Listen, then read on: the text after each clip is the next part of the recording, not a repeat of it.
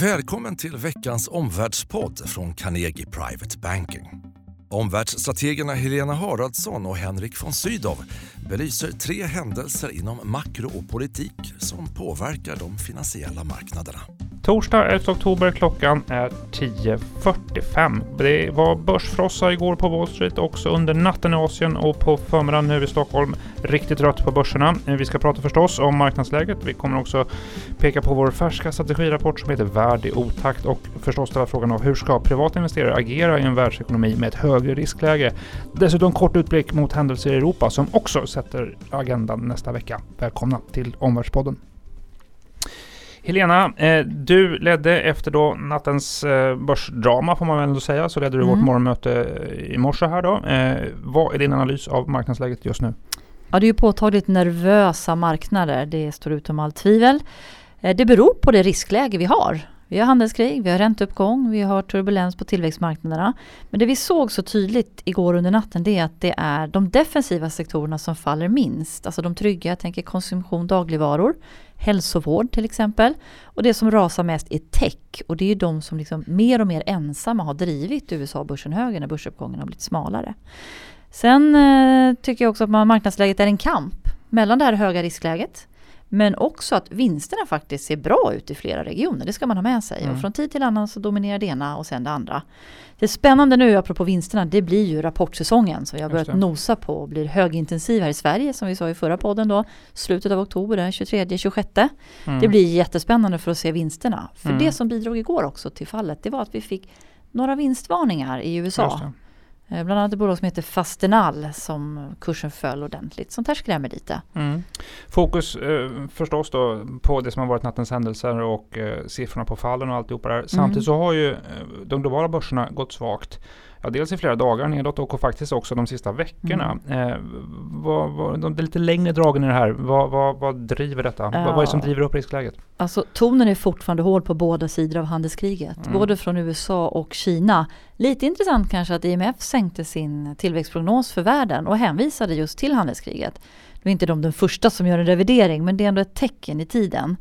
Sen är det klart tillväxtmarknadsoron, den accentueras ju igen när räntorna i USA stiger. Och det är det som är högaktuellt nu då, det här med ränterisken.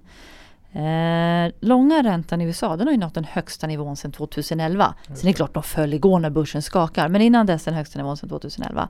Och det här är ett ganska viktigt tekniskt genombrott på uppsidan och det här skrämmer marknaderna. Och det som ligger bakom då paradoxalt nog det är ju starka konjunktursignaler. Det är spännande med inflationssiffran idag, om den skrämmer mm. marknaden ytterligare. Men vi har haft väldigt konstgjort låga räntor, även på alltså inflationsjusterat. Då. Och det är klart att räntan kan fortsätta stiga. Man skulle kunna testa 4% egentligen även utan någon större inflationsoro. Och då blir ju den här frågan då, blir det bara en mindre medvind för börsen?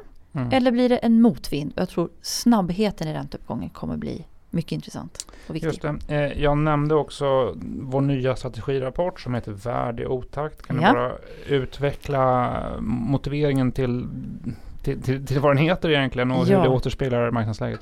Absolut. Vi har ju utan tvekan en politik i otakt. Mm. Kollisionskurs mellan de två stormakterna i världen. Ett annat exempel det är ju Italien på kollisions eller konflikt med Bryssel. Men ekonomierna är i otakt också. Det är tydligt att USA visar imponerande styrka.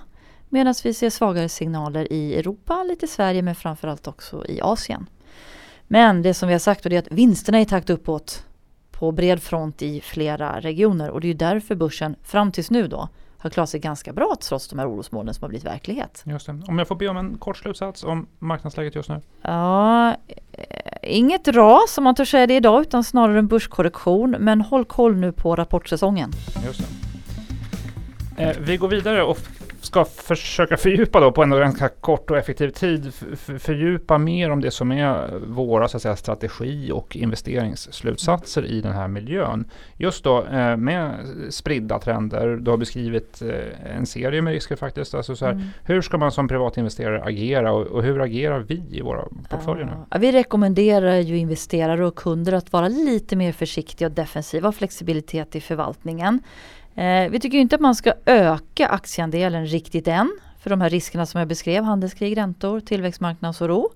Eh, men å andra sidan då, vi tycker inte heller att det är läge att minska markant därför att alternativen, vinsterna är goda och alternativen mm. är så trista. Ränteplaceringar ger för mager avkastning fortfarande. Mm. Så vi landar i en ganska normal aktievikt. Mm. Och om man tittar då på aktier som ju ändå då innehåller de mer riskfyllda delarna mm. i, i, en portfölj. Hur, hur, tycker du ska se på allokeringen av aktier? Hur ska man placera aktier i detta ja, läge? Om man ska klä sig rätt inför höstrusket då så gör vi det i Sverige genom att i våra portföljer ha övervikt mot defensiva sektorer som hälsovård och telekomoperatörer. Spännande rapportsäsongen blir väl verkstad då. Vi har haft ett kronfall. Kan det lyfta vinsterna? Är förväntningarna tillräckligt lågt ställda för att få någon positiv börsreaktion? Och utländska aktier, där föredrar vi ju hellre amerikanska aktier än europeiska och det är den här världen i otakt. Bättre tillväxt i USA än i Europa. Eh, sen får de också stöd av återköp, alltså att bolag använder vinsten för att köpa tillbaka egna aktier istället för aktieutdelning. Då, så det ger stöd också. Och i Europa har vi ju risker då, allt från Brexit, Italien till Turkiet. Eh, vi nämnde flexibilitet också och det är lite intressant. Eh, vi använder mer optioner i förvaltningen, framförallt då köper köpoptioner och ersätter aktieexponering. Till exempel på techtunga Nasdaq. För att kunna vara med på en uppsida men begränsa nedsidan då till det vi har betalt för optionerna. Och lite andra optionsstrategier då som ger fallskydd på börsen. Och I våra tryggare delar av portföljen kan också vara värt att nämna då, där är vi faktiskt positionerade för en ränteuppgång. Sen mm. drabbas vi av det men mindre än, än annars då. Just det, eh, aktuellt förstås en dag som denna. Vi pratar ju återkommande om att, så att säga, vikten av att sprida, sprida riskerna, att diversifiera sin portfölj. Eh, och att det där är förstås det bästa sättet att skydda eh, sin portfölj i ett skakigare marknadsklimat. Är det några särskilda konkreta idéer som du vill lyfta fram? Ja absolut. På aktiesidan, trygghet i Europa det får man i Alperna i schweiziska aktier. Mm. Eh, domineras av hälsovård och dagligvaror, stabila konjunkturokänsliga sektorer. Jättebra komplement för en svensk investerare för vi har mycket bank och verkstad som då är konjunkturkänsligt. Eh, och Zürichbörsen är också skyddad från många orosmoln. Jag tänker biltullar, om det skulle dyka upp på agendan. Men också bankoro faktiskt. Eh, inte alls drabbat som andra länder. Det andra, det kanske inte låter så, så säkert, men det är kinesiska obligationer. Mm. Det är världens tredje största eh, räntemarknad. Spännande nu, dels för att de erbjuder bra ränteavkastning. Det är svårt att hitta. Men man öppnar upp marknaden, marknaden i snabb takt så det blir enklare och säkrare att handla det här, bland annat på Hongkongbörsen. Så så diversifierar vi på räntesidan. Och mm. intressant var att igår då klarade de här, båda de här affärsförslagen sig väldigt bra i turbulensen. Inte minst Schweiz då som bara, om man får säga så, var ner 0,8 procent. I Sverige var vi ner 1,8 och USA över 3 procent. Mm, om du ska sammanfatta det så eh, frekventa ord du använder är diversifiering, lite mer defensivt och riskspridning. Vill du addera till någonting? Nej, bra sammanfattning Henrik. Tack. Ja, vi hinner med en tredje analys Henrik. Du kommer ju leda vårt morgonmöte imorgon på fredag och då vad jag förstår ska du lista några händelser i Europa som kom, kan skapa rubriker nästa vecka.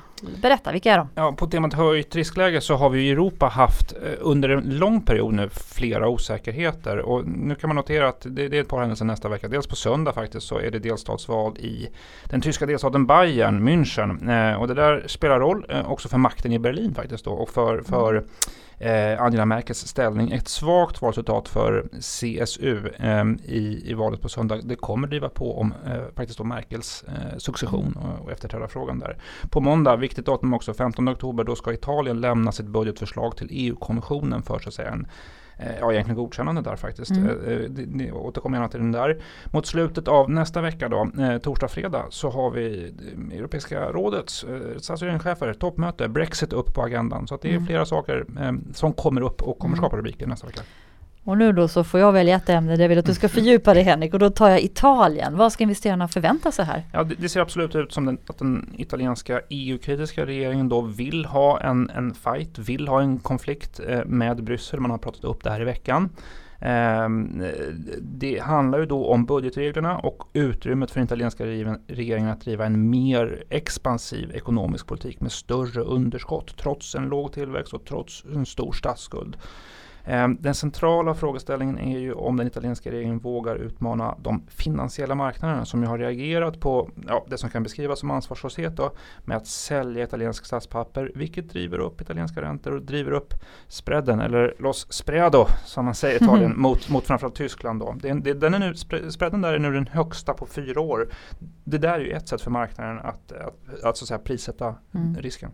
Om budgeten nu från Italien blir mer expansiv, vad kan EU tillåta och hur responderar Bryssel tror du? Det är ett ganska svårt läge för Bryssel. Ehm, en, en väldigt tuff respons från Bryssel, det kanske är så att säga vad italienska regeringen faktiskt vill ha. Det skulle stärka det EU-kritiska sentimentet i Italien, EUs grundarland och EUs fjärde största ekonomi. Svarar inte Bryssel hårt på en expansiv budget från Italien, ja då kan ju spänningarna öka med norra Europa och framförallt mm. Tyskland. Ehm, och det där, ehm, ja det ökar de politiska motsättningarna i Europa, i eurozonen om den ekonomiska politiken i ett läge när EU redan då har fullt upp. Både med brexitfrågan som jag nämnde och också det här utvecklingen med växande eh, auktoritära och illiberala eh, mm. regeringar i, i, östra Europa. Så det kan bli en svettig vecka i Europas mm. huvudstäder. Och som investerare, kort Henrik, vad ska man hålla koll på? Ja, rättar sig Italien efter EU-kommissionen, rättar sig Italien efter marknaden eller struntar de i dem båda?